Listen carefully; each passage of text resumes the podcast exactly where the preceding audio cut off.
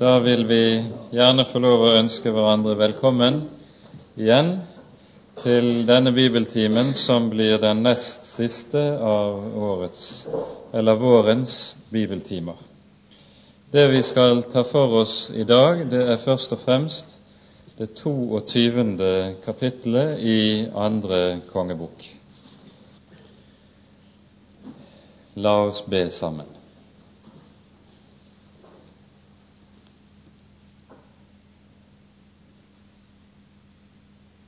Kjære gode Herre og Hellige Far. Vi takker deg for at du har gitt oss ditt hellige ord, for at vi i ordet ditt skal få lov å lære deg selv å kjenne. Der åpenbarer du deg for oss og møter oss i hele din fylde.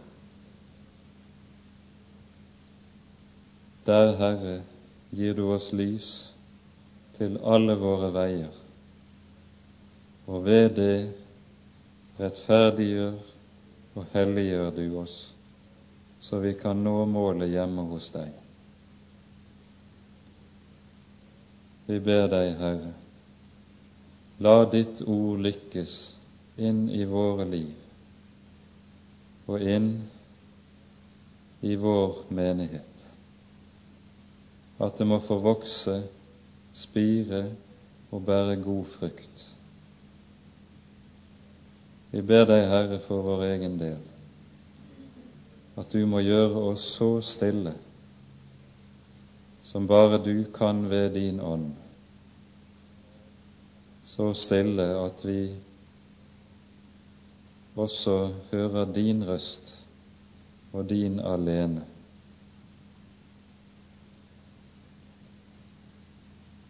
Kom, Herre, du med din ånd, og vær midt iblant oss, så vi blir frelst.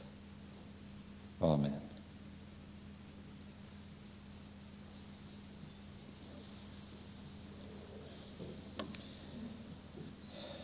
Vi skal altså i dag ta for oss det 22. kapittelet i første kongebok et kapittel som på mange måter må sies å være ganske sentralt, i det det også gir oss lys inn i helt sentrale sammenhenger i Guds ord og i frelseshistorien i Det gamle testamentet.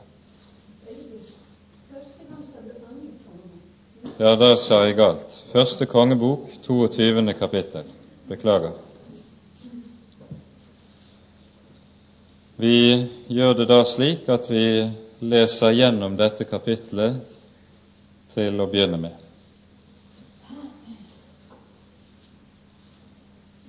Nå holdt de seg rolig i tre år, og det var ikke noen krig mellom Syria og Israel. Men i det tredje år hendte det at Josafat, Judas konge, dro ned til Israels konge. Da Israels konge da sa Israels konge til sine tjenere:" Vet dere ikke at Ramot i Gilead hører oss til? Og vi sitter stille og tar det ikke fra kongen i Syria. Og han sa til Josafat, Vil du dra med meg i krig til Ramot i Gilead? Josafat svarte Israels konge, Som du, så jeg. Som ditt folk, så mitt folk. Som dine hester, så mine hester. Og Josafat sa fremdeles til Israels konge, søk dog først og få vite hva Herren sier. Da kalte Israels konge profetene sammen. Det var omkring 400 mann, og han spurte dem, skal jeg dra ut i krig mot Ramot i Gilead, eller skal jeg la det være? De svarte, Dra opp, Herren vil gi det i kongens hånd. Men Josafat sa, Er her ikke noen annen Herrens profet så vi kunne spørre Herren til råds gjennom ham. Israels konge svarte Josafat, der er ennu en mann gjennom hvem vi kan spørre Herren til råds, men jeg hater ham, fordi han ikke spår godt om meg, men bare ondt. Det er Mika, Jimlas sønn. Josafat sa, kongen skulle ikke si så. Da kalte Israels konge på en av hoffolkene og sa, Skynd deg og hent Mika, Jimlas sønn. Imens satt Israels konge og Josafat, Judas konge, i kongelig skrud, hver på sin trone, på en treskeplass ved inngangen til Samarias port. Og alle profetene sto foran dem og fremsa sine spådommer. Og Sedekias, Kunaans sønn, gjorde seg et horn av jern og sa:" Så sier Herren, med disse skal du stange syrerne til du får gjort ende på dem. Og alle profetene spådde likedan og sa:" Dra opp til Ramot i Gilead, så skal du ha lykke med deg, og Herren skal gi det i kongens hånd. Budet som var godt for å tilkalle Mika, sa da til ham, Profetene spår med én munn godt for kongen. La nå også dine ord stemme overens med deres, og spå godt. Mika svarte, Så sant Herren lever, hva Herren sier til meg, det vil jeg tale. Da han nå kom til kongen, sa kongen til ham, Mika, skal vi dra i krig til Ramot i Gilead, eller skal vi la det være? Han svarte, Dra opp, så skal du ha lykke med deg, og Herren skal gi det i kongens hånd. Men kongen sa til ham, hvor mange ganger skal jeg besverge deg at du ikke skal tale annet til meg enn sannhet i Herrens navn? Da sa han, Jeg så hele Israel spredd utover fjellene, like som en fårehjord som ikke har hyrde. Og Herren sa, Disse har ingen herre, la dem vende tilbake i fred hver til sitt hus. Da sa Israels konge til Josafat, var det ikke det jeg sa til deg, han spår ikke godt om meg, men bare ondt. Men Mika sa, så hør da Herrens ord. Jeg så Herren sitte på sin trone, og hele himmelens hær stå omkring ham på hans høyre og venstre side. Og Herren sa, Hvem vil overtale Akab til å dra opp til Ramot i Gilead, så han faller der? Og den ene sa så, og den annen så. Da gikk Ånden, vil si spådomsånden, frem og stilte seg for Herrens åsyn og sa, Jeg skal overtale ham. Herren spurte ham, Hvorledes?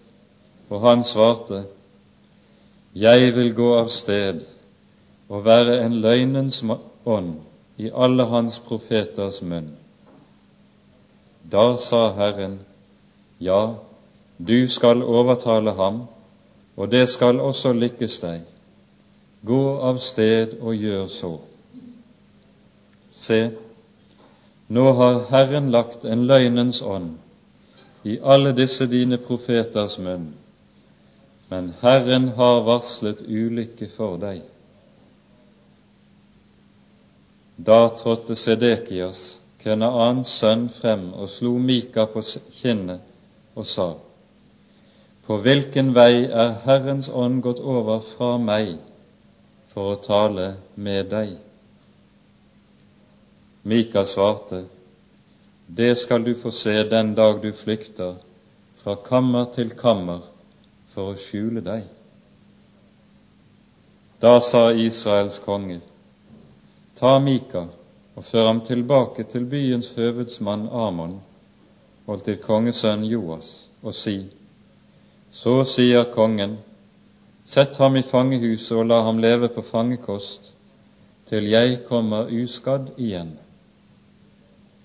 Mika sa, Kommer du uskadd hjem igjen, så har Herren ikke talt gjennom meg. Og han sa, Hør dette, dere folk, alle sammen. Så dro Israels konge og Judas konge Josafat opp til Ramot i Gilead. Og Israels konge sa til Josafat, Jeg vil forkle meg og gå i striden, men ta du dine vanlige klær på. Så forkledde Israels konge seg og gikk i striden. Men kongen i Syria hadde befalt sine 32 vognhøvets menn dere skal ikke stride mot noen, verken liten eller stor, bare mot Israels konge. Da nå vognhøvedsmennene så Josafat, sa de, dette er sikkert Israels konge, og de vendte seg dit for å stride mot ham. Da satte Josafat i et høyt rop. Og da vognhøvedsmennene så at det ikke var Israels konge, vendte de seg fra ham igjen. Men en mann spente sin bue og skjøt på lykke og fromme, og traff Israels konge mellom brynjeskjørtet og brynjen. Da sa han til sin vognstyrer, Vend om og før meg ut av hæren, jeg er såret men striden ble stadig hårdere den dag, og kongen ble holdt oppreist i vognen mot syrerne. Men om aftenen døde han, og blodet av såret fløt ned i vognen. Og ved solens nedgang gikk det et rop gjennom leiren. Hver mann hjem til sin by, til sitt land. Således døde kongen og ble ført til Samaria. Og de begravet kongen i Samaria. Og da de skylte vognen i dammen ved Samaria, slikket hundene hans blod, mens skjøgene badet seg der, etter det ord som Herren hadde talt. Hva som ellers er å fortelle om Akab, om alt det han gjorde, og om det elfenbenshus han bygget, om alle de byer han bygget, det er oppskrevet i Israels kongers krønike. Og Akab la seg til hvile hos sine fedre, og hans sønn Akasha ble konge i hans sted. Der stanser vi. I det vi går inn i dette kapittelet, så er det altså fred i Israel. Vi hører i begynnelsen av kapittelet de hadde holdt seg i ro i tre år. Det var ingen krig mellom Syria og Israel. Med det vises det til det som vi hører om i det tyvende kapittelet, der vi hører om krigen mellom Ben-Hadad, Syrias konge, og Akab, som slo syrerne i krigen, men i svakhet sparte den syriske kongen, noe som vi ser av dette kapitlet ble til ulykke for ham selv. I årene som er gått forut, så har kongen i Juda, Josafat, som for øvrig er en av de beste kongene som i det hele tatt satt på tronen i Sydriket. Han har latt sin sønn Joram gifte seg med en datter av Akab og Jesabel. Hun het Atalja. Og hun kom senere til å volde svære ulykker i Sydriket, noe vi skal komme tilbake til når vi går videre utover i andre kongebok. Hun var en sann datter av sin mor Jesabel. Og slik ser vi allerede i utgangspunktet noe av det som var kong Josafats svakhet. Han var en gudfryktig konge, og en som også, det hører vi om i krønikebøkene, Herren på en helt særlig måte fikk hjelpe og frelse. Men samtidig hadde han den svakhet at han var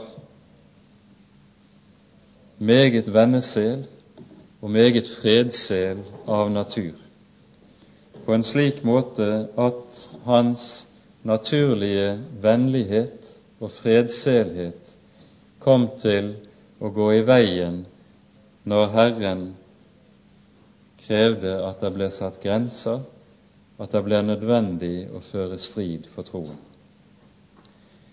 Etter Guds ord var det stikk imot Herrens vilje at Josafat inngikk vennskapsforbindelse med Akabs hus og lot sin sønn gifte seg med dennes datter. Dette leser vi om i Mosebøkene. Og likeledes var det etter Guds ord i strid med Herrens vilje at han inngikk politisk og militær allianse med Akab.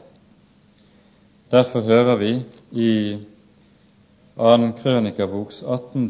kapittel, 19. kapittel om at når Josafat vender tilbake fra dette mislykkede felttoget, så kommer en Herrens profet og laster ham med ordene som vi leser her. Annen krønikebok 19 vers 1 og 2.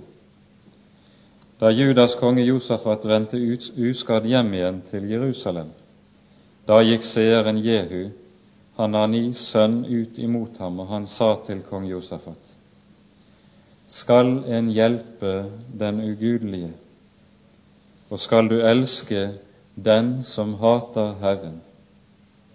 For dette hviler det vrede over deg fra Herren.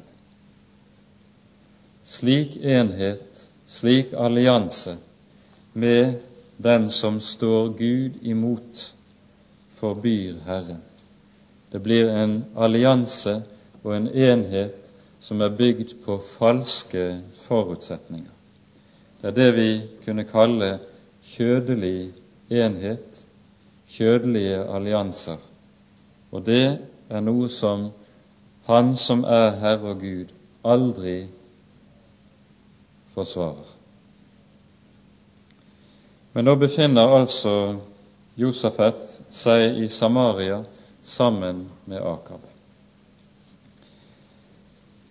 Etter fredstraktaten med syrerne så skulle Ramot i Gilead vært levert tilbake til Israel da syrerne var slått.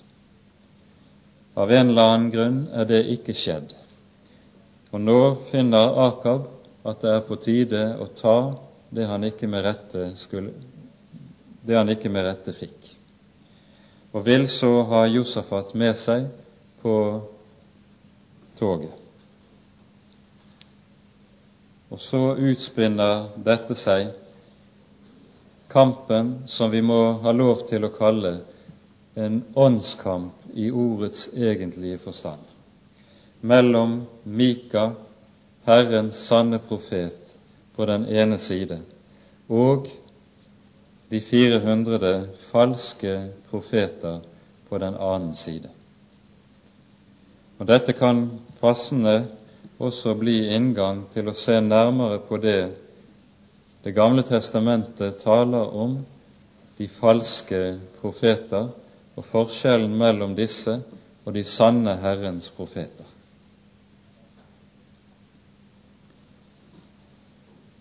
Først hører vi Josafat forløpe seg ut fra sin naturlige venneselhet. På Akabs forslag svarer han umiddelbart som du, så jeg. Som ditt folk, så mitt folk. Just det var det han ikke skulle svart. Men så er det like som han ser at han bør betenke seg, og sier, søk dog først å få vite Herrens vilje, hva Herren sier. Hvorpå Akab kaller sammen de 400 profeter. Og Her legger vi merke til at nå er det ikke lenger tale om at det er Bals profeter og Astartes profeter ved Akabs hoff. Dette innebærer at det som var skjedd gjennom Elias, og som vi leser i de foregående kapitler, det har satt visse spor hos Akab, selv om det ikke har ført til en virkelig hjerteforandring hos ham. Vi husker hvorledes under det som skjedde på Karmel, da Herren viste hvem som virkelig var Gud. Da ble de 450 Bals profeter utryddet. Senere hører vi i det 21. kapittel om hvorledes Akab tilraner seg Nabots vingård. Ved svik, ved falske vitner, får han ryddet Nabot av veien. Og dette laster profeten Elias ham tungt for, og forkynner ham Guds dom over det han har gjort. Ja, Elias forkynner nettopp at hundene skal slikke Akabs blod, som vi ser fullbyrdes i dette kapittelet. Dette fører til at Akab på mange måter går i seg selv og angrer. Og Dette har antagelig ført til at Akab etter hvert har fått ryddet også av starteprofetene ut av landet. Og nå sitter han i stedet med 400 profeter som profeterer i Herrens, Israels Guds navn, ikke i Baals navn. Det Akab antagelig da har gjort, det er at han har vendt tilbake til den riksreligion som kong Jeroboam innførte, og som vi leser om i det 12. og 13. kapittel her i første kongebok der de dyrket Israels Gud under bildet av en oksekalv. I Betel og i Dan var det reist tempel for denne kalven. Det er den slags profeter altså Akab holder seg med.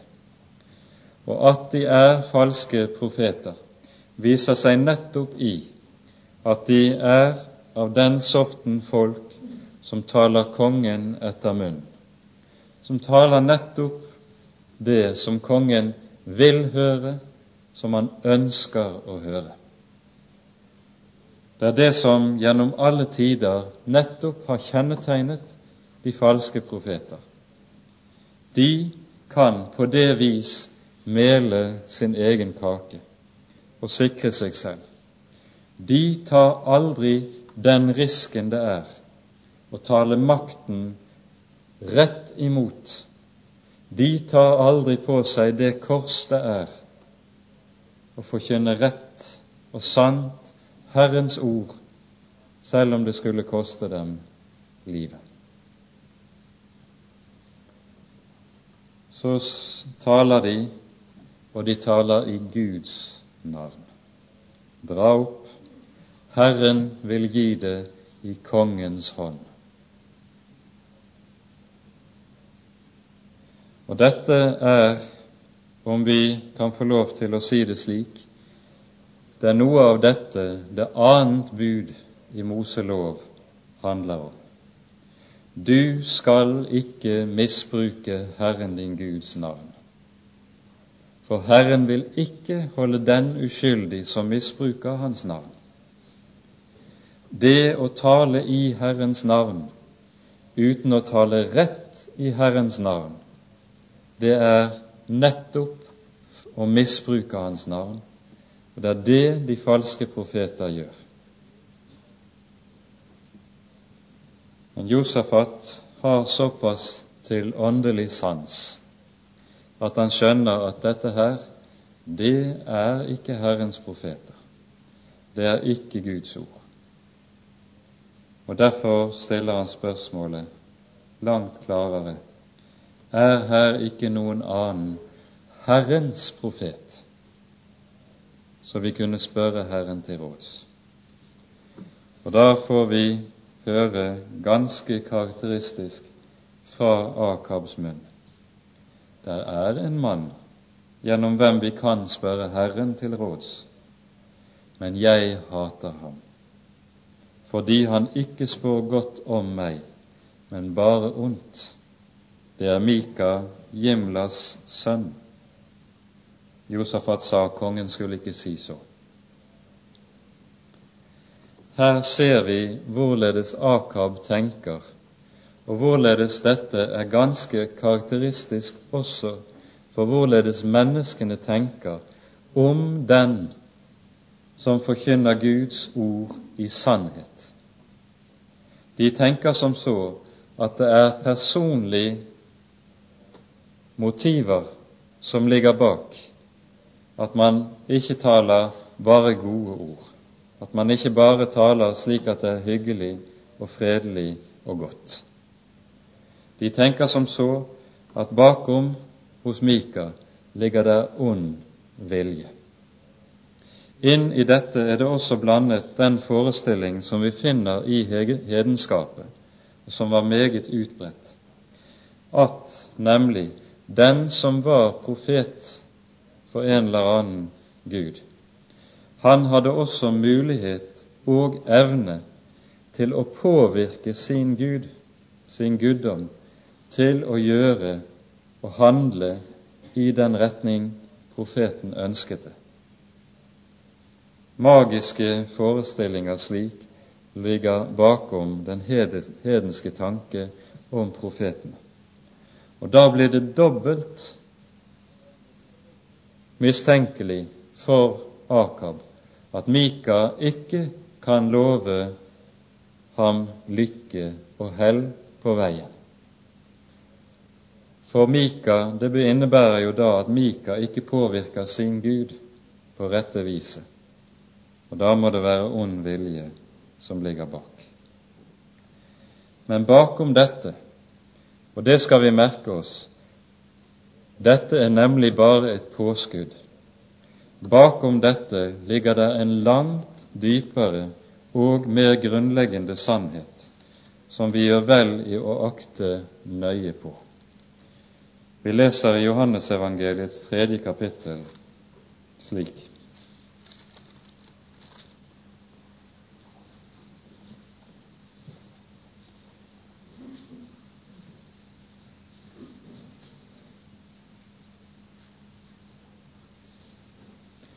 I vers 19 og 20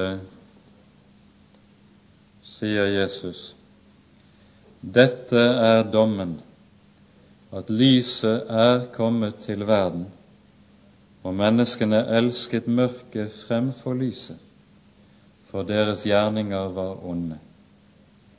For hver den som gjør ondt, hater lyset og kommer ikke til lyset, for at hans gjerninger ikke skal bli refset.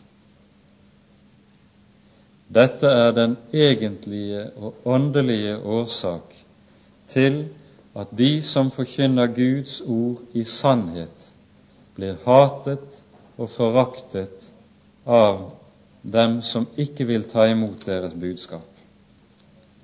Noe tilsvarende leser vi også i det syvende kapittelet i Johannesevangeliet.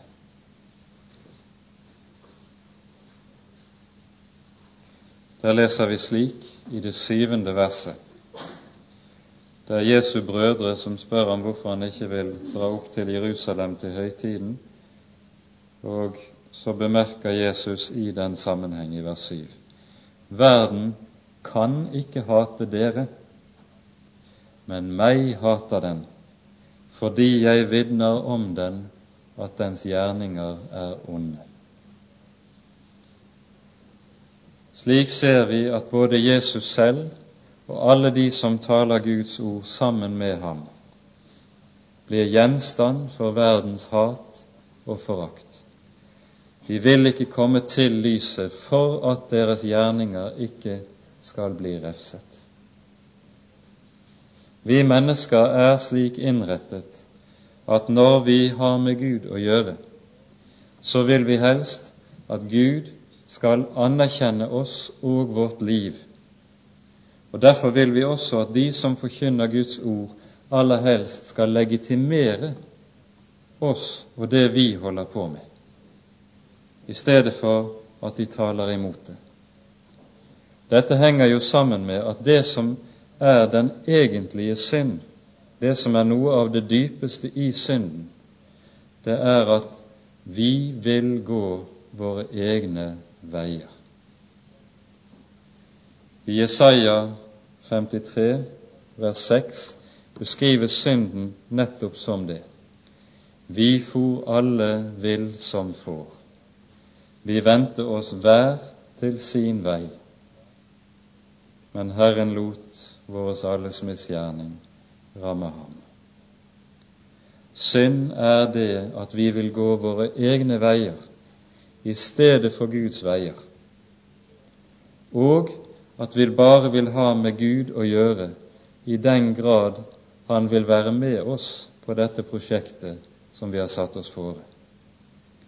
Menneskelig religiøsitet handler nettopp om det, at jeg vil gå min egen vei, og så prøve å ha Gud med på det. Kristen tro, bibelsk tro, handler om det motsatte. At Gud ikke lar oss gå våre egne veier.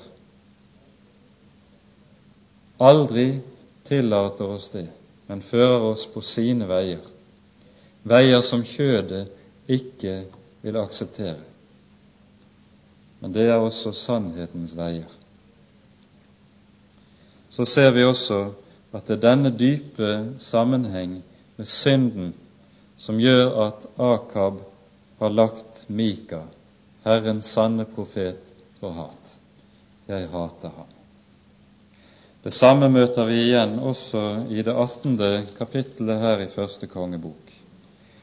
For når Akab møter Elia igjen etter de tre års tørke, så er de første ordene han møter Elia med, vi leser i det 17. verset i det 18. kapittel. Med det samme Akab fikk se Elias, sa han til ham, er det du som fører ødeleggelse over Israel? Og Elias svarer, Jeg har ikke ført ødeleggelse over Israel, men du og din fars hus, fordi dere har forlatt Herrens bud og fulgt balene. Slik prøver mennesket stadig å skrive fra seg ansvar for sine onde gjerninger og skyve ansvaret over på de som taler Guds ord. Vel, det blir sendt bud etter Mika, og mens de venter på ham, så trer han som tydeligvis er leder for de 400 falske profeter, frem for riktig å understreke budskapet han har. Han har smidd seg noen horn av jern med disse skal du stange syrerne og overvinne dem, gjøre ende på dem. Med denne symbolske handlingen så henspiller den falske profet på Moses velsignelse i 5. Moseboks 33. kapittel. I det 33. kapittel i 5. Mosebok finner vi Moses som den siste handling han gjør han, før han skilles fra folket og skal dø. Så velsigner han de tolv Israels stammer. Og i velsignelsen over Josef lyder det nettopp budskapet om at Josef har det horn som skal stange fienden og ødelegge ham. Og Josef hadde to sønner, Manasse og Efraim, og disse to stammene var det som utgjorde ryggraden nettopp i Nordriket der Akab var konge. Så Akab var Josefs avtager. Og Her ser vi et annet trekk ved den falske profeti som det er uhyre viktig å være klar over. Den anvender Guds ord. Det kjennetegner de falske profeter. De tar utgangspunkt i Guds ord. De kommer ikke og forkynner blank løgn, men de gjør det slik at de blander løgn og sannhet på en slik måte at det ser tilforlatelig ut for den som ikke har sans til å skjønne bedre. Og Nettopp dette er noe av det grunnleggende kjennetegnet ved all forførelse som kommer fra djevelen. Han forkynner aldri blank løgn, men han forkynner løgn blandet med sannhet. For da lar menneskene seg lure. Da lar de seg forføre. Og så forkynner de det på en slik måte at de nettopp lover lykke. For hva slags Guds ord er det den falske profet tar utgangspunkt i? Ikke de Guds ord som åpenbarer og forkynner Guds hellighet, ikke de Guds ord som taler Guds bud og sier 'venn om fra dine onde veier'. Ikke de Guds ord som gir et menneske dårlig samvittighet. Nei, slikt taler den falske profet ikke. Men han tar utgangspunkt i de Guds ord som lover fred, der Gud sier 'Jeg vil være med deg' de Guds ord der Herren sier 'Jeg er en miskunnelig Gud og rik på miskunnhet'. De Guds ord som sier og lover Guds folk velsignelse, lykke, fred og seier på alle dets veier.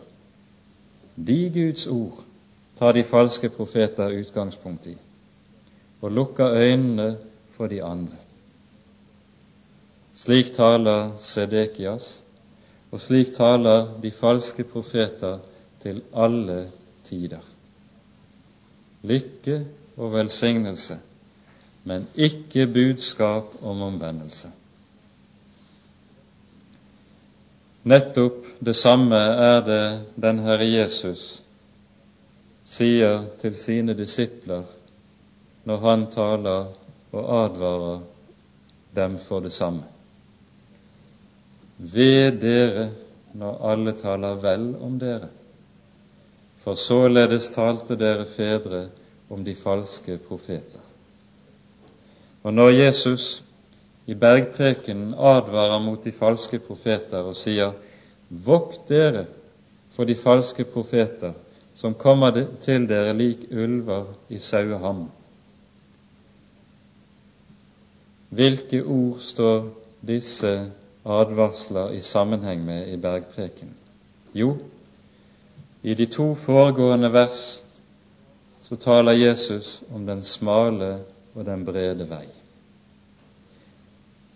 Gå inn gjennom den trange port. Gå på den smale vei. For bred er den vei, og vid er den port som leder til fortapelsen. Når Jesus altså setter talen om de falske profeter inn i en slik sammenheng, så forstår vi at det som er de falske profeters kjennetegn, er at de gjør den smale vei bred. Der lyder intet budskap om omvendelse fra synd, intet budskap om Guds hellighet, Fortapelsen forties hos slike, eller rett ut fornektes hos slike. Og så blir de godt omtykt. Så er det dem folk spør. Så er det dem kongene sender bud på, og avisene i våre dager. De lover fred og lykke. Mennesket har ikke forandret seg.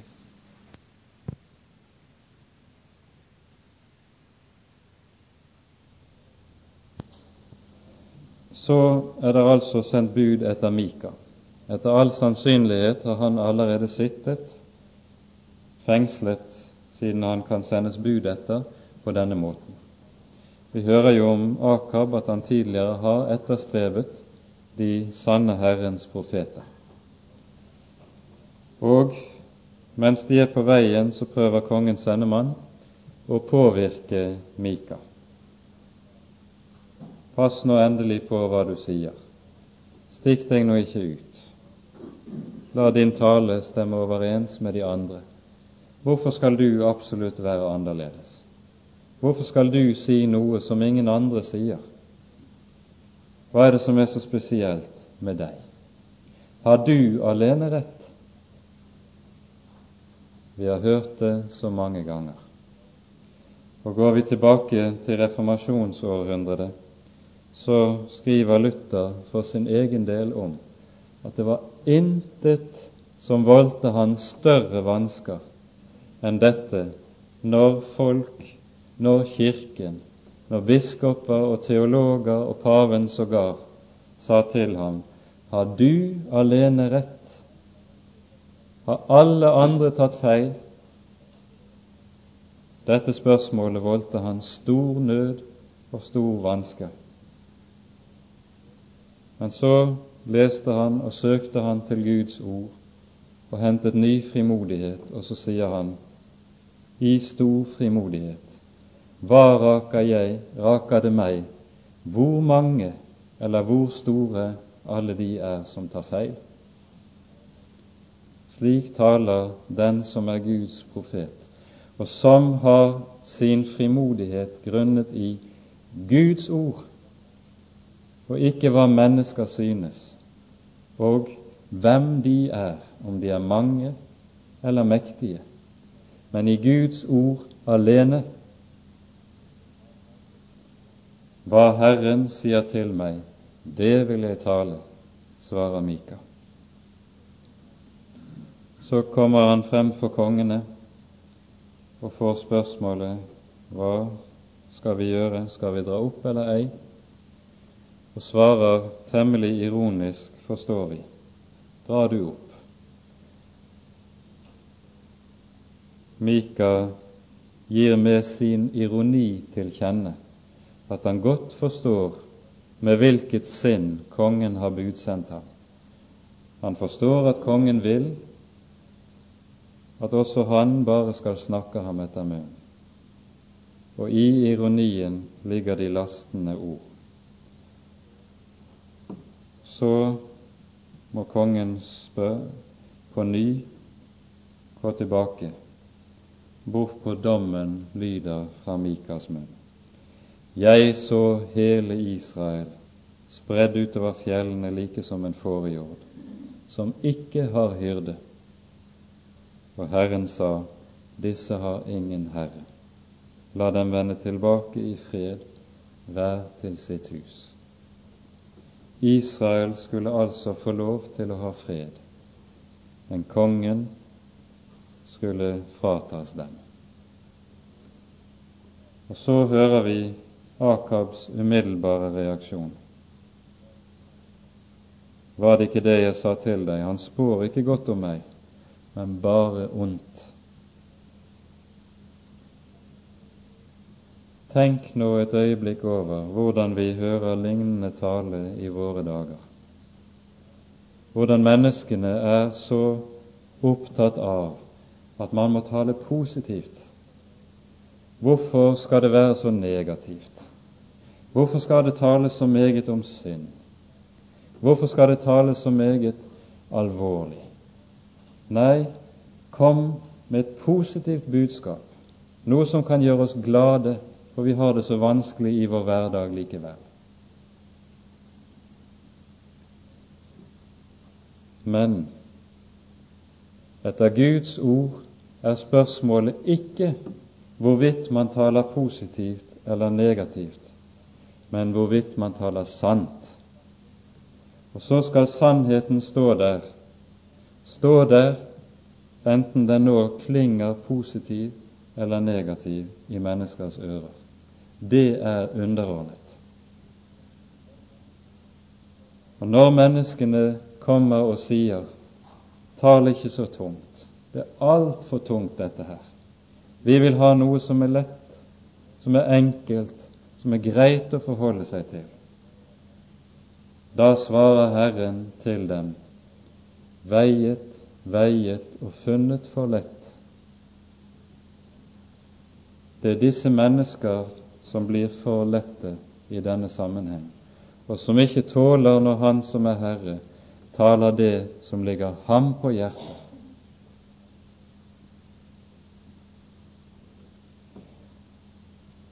Så går Mika videre og sier, så hør da Herrens ord.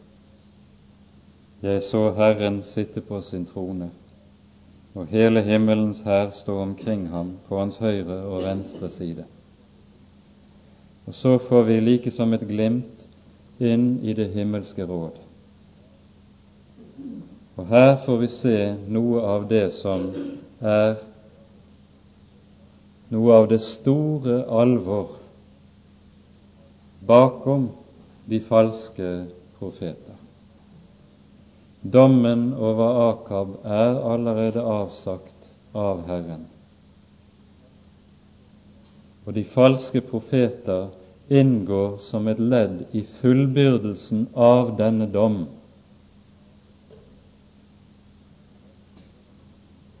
Og Dette skal vi legge merke til. Dette er nemlig noe som ser ut til å gå igjen gjennom hele frelsens historie forut for de store domstider, som vi finner det både Det gamle testamentet og i det Det nye testamentet sier om avslutningen av verdenshistorien. Så forkynner Skriften oss at det skal oppstå nettopp svermer av falske profeter som leder menneskene vill. Og dette er en Herrens doms gjerning over folkene, over Israel i Det gamle testamentet forut for ødeleggelsen og dommen, og over en frafallen menneskehet i den siste tid. Det er slik altså, ser det ut til, at Gud lar en åndelig dom i form av løgn og falske profeter gå forut for den timelige og bokstavelige historiske dom. På en slik måte at den åndelige dom både forutsetter og akselererer iverksettelsen av den historiske dom. Vi har et mer klart prinsipielt utsagn om dette i 2. Tessalonikerbrevs 2. kapittel.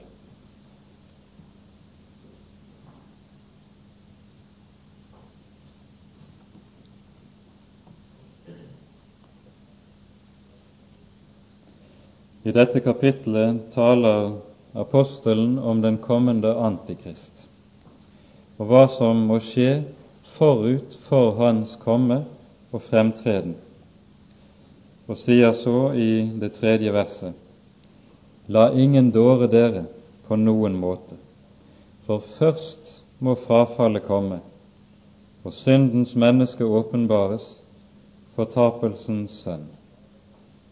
Det er altså tale om et frafall, og når Skriften bruker ordet frafall, så er det bare én ting den mener. Det er frafall fra Guds ord frafall fra troen på Guds sønn.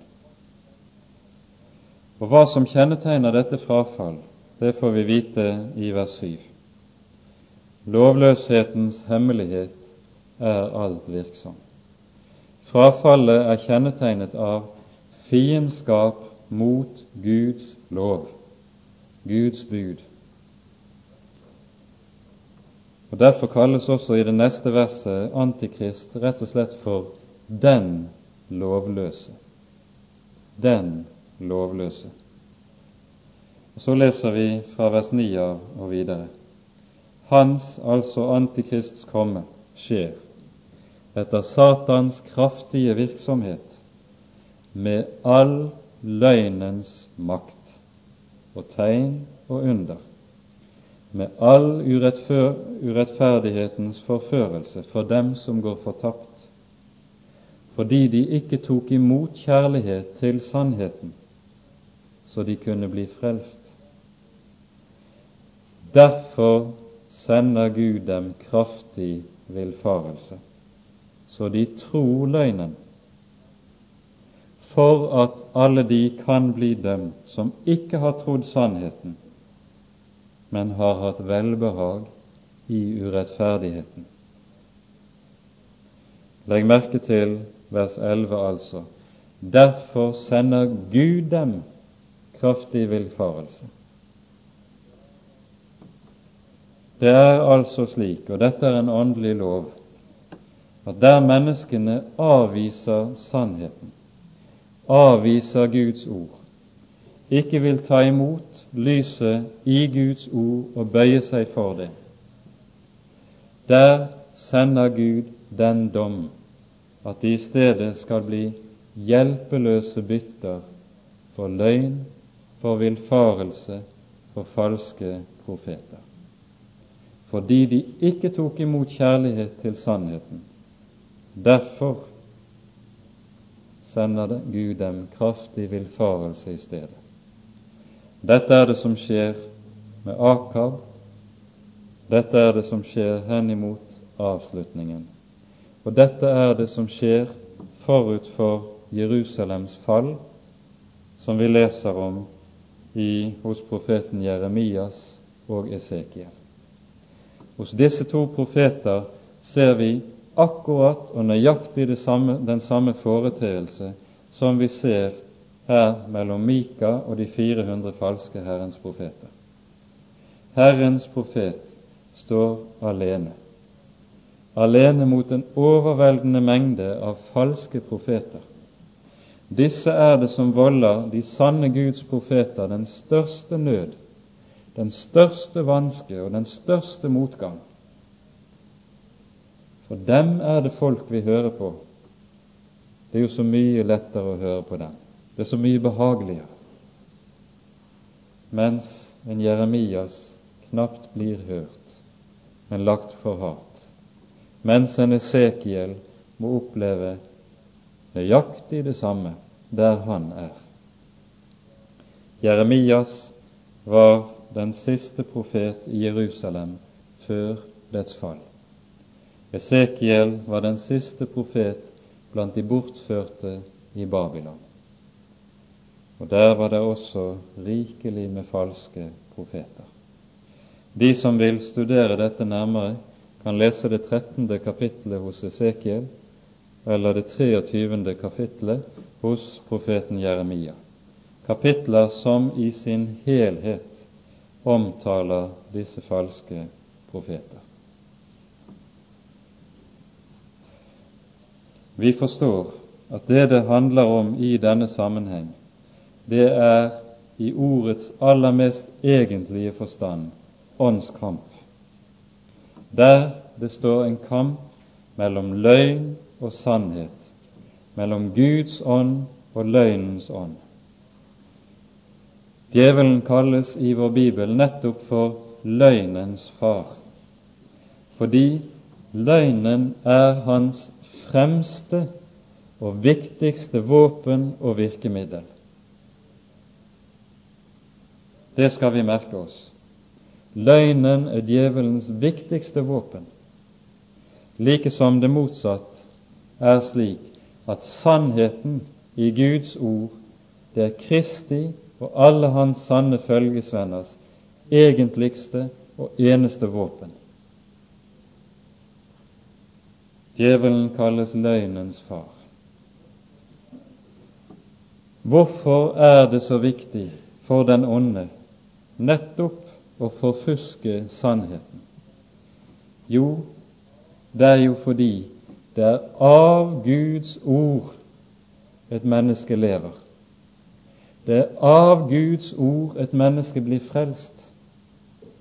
Det er ved Guds ord vi rettferdiggjøres og vi helliggjøres, vi bevares og føres til det evige liv.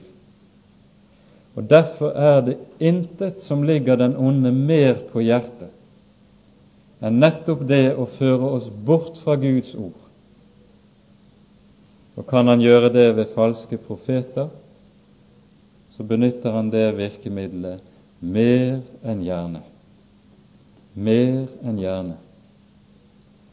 I dag opptrer ikke den slags falske profeter i profetkapper, men vi finner dem i prestekjoler og bispekåper, idet de fornekter det Guds ord sier, nettopp om Guds hellighet, om Guds lov og Guds bud, fornekter det Guds ord taler om omvendelsen og om fortapelsen.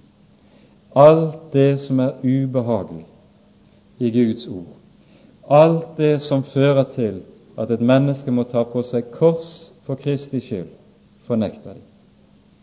Alt det som fører til at et menneske må forlate sine egne veier, fortier de, og taler så alt annet i stedet. Taler så menneskene liker det taler så det klør dem i øret. For det er så godt å høre på. Ordene er så myke, de smyger seg rundt sjela. Og de som ikke kjenner Herren, lar seg bedra. De taler i Guds navn, og Sedekias røst lyder på ny og på ny. For hvilken vei har Guds ånd gått over fra meg til deg. Har du alene rett? Guds ord, hvordan det skal forstås, det er jo bare tolkningsspørsmål, det. Slik taler de falske profeter. For Guds ord er klinkende klart. Men det som er sannheten når det gjelder disse ting, det er at Ingen er så blind som den som ikke vil se. For det mennesket som ikke vil bøye seg for Guds ord, som ikke vil innrette seg etter hva Herren taler, for det mennesket vil det også bli slik at det ikke er noe som blir klart for det i ordet heller. Og så kan man tale i tåken så kan man tale om at alt Guds ord er uklart, fordi man ikke vil se det. Men for den som ser, for den som bøyer seg for dette ord, også om det koster meget å bøye seg for ordet, han vet at Guds ord er klart. Og det som er det store problem med Guds ord, det er jo nettopp at det er så klart at det ikke er til å komme bort fra.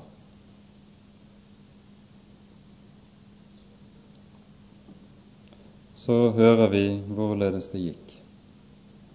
Akab drar i striden, tilskyndet av de falske profeter, men antagelig med tvil i huen, fordi han forkler seg.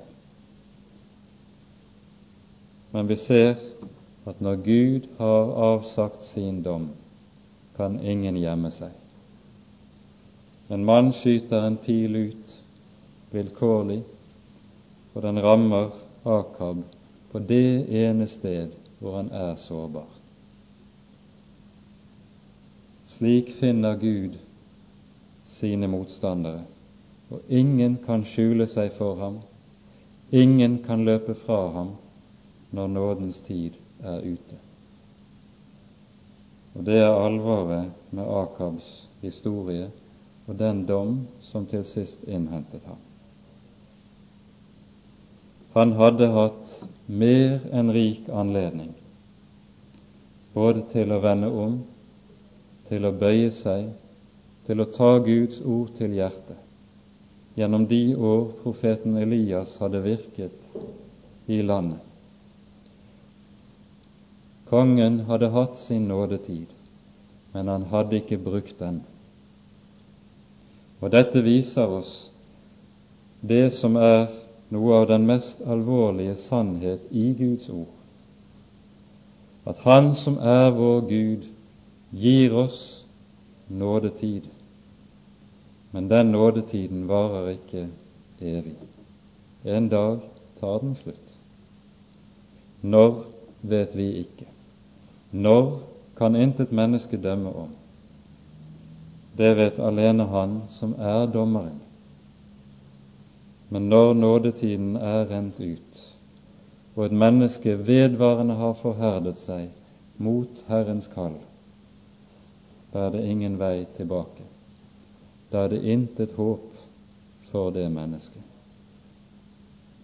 Så står Akab der som et av de alvorligste tegn til advarsel for oss i Den hellige Skrift, som en som hadde Guds ord, men ikke ville bøye seg.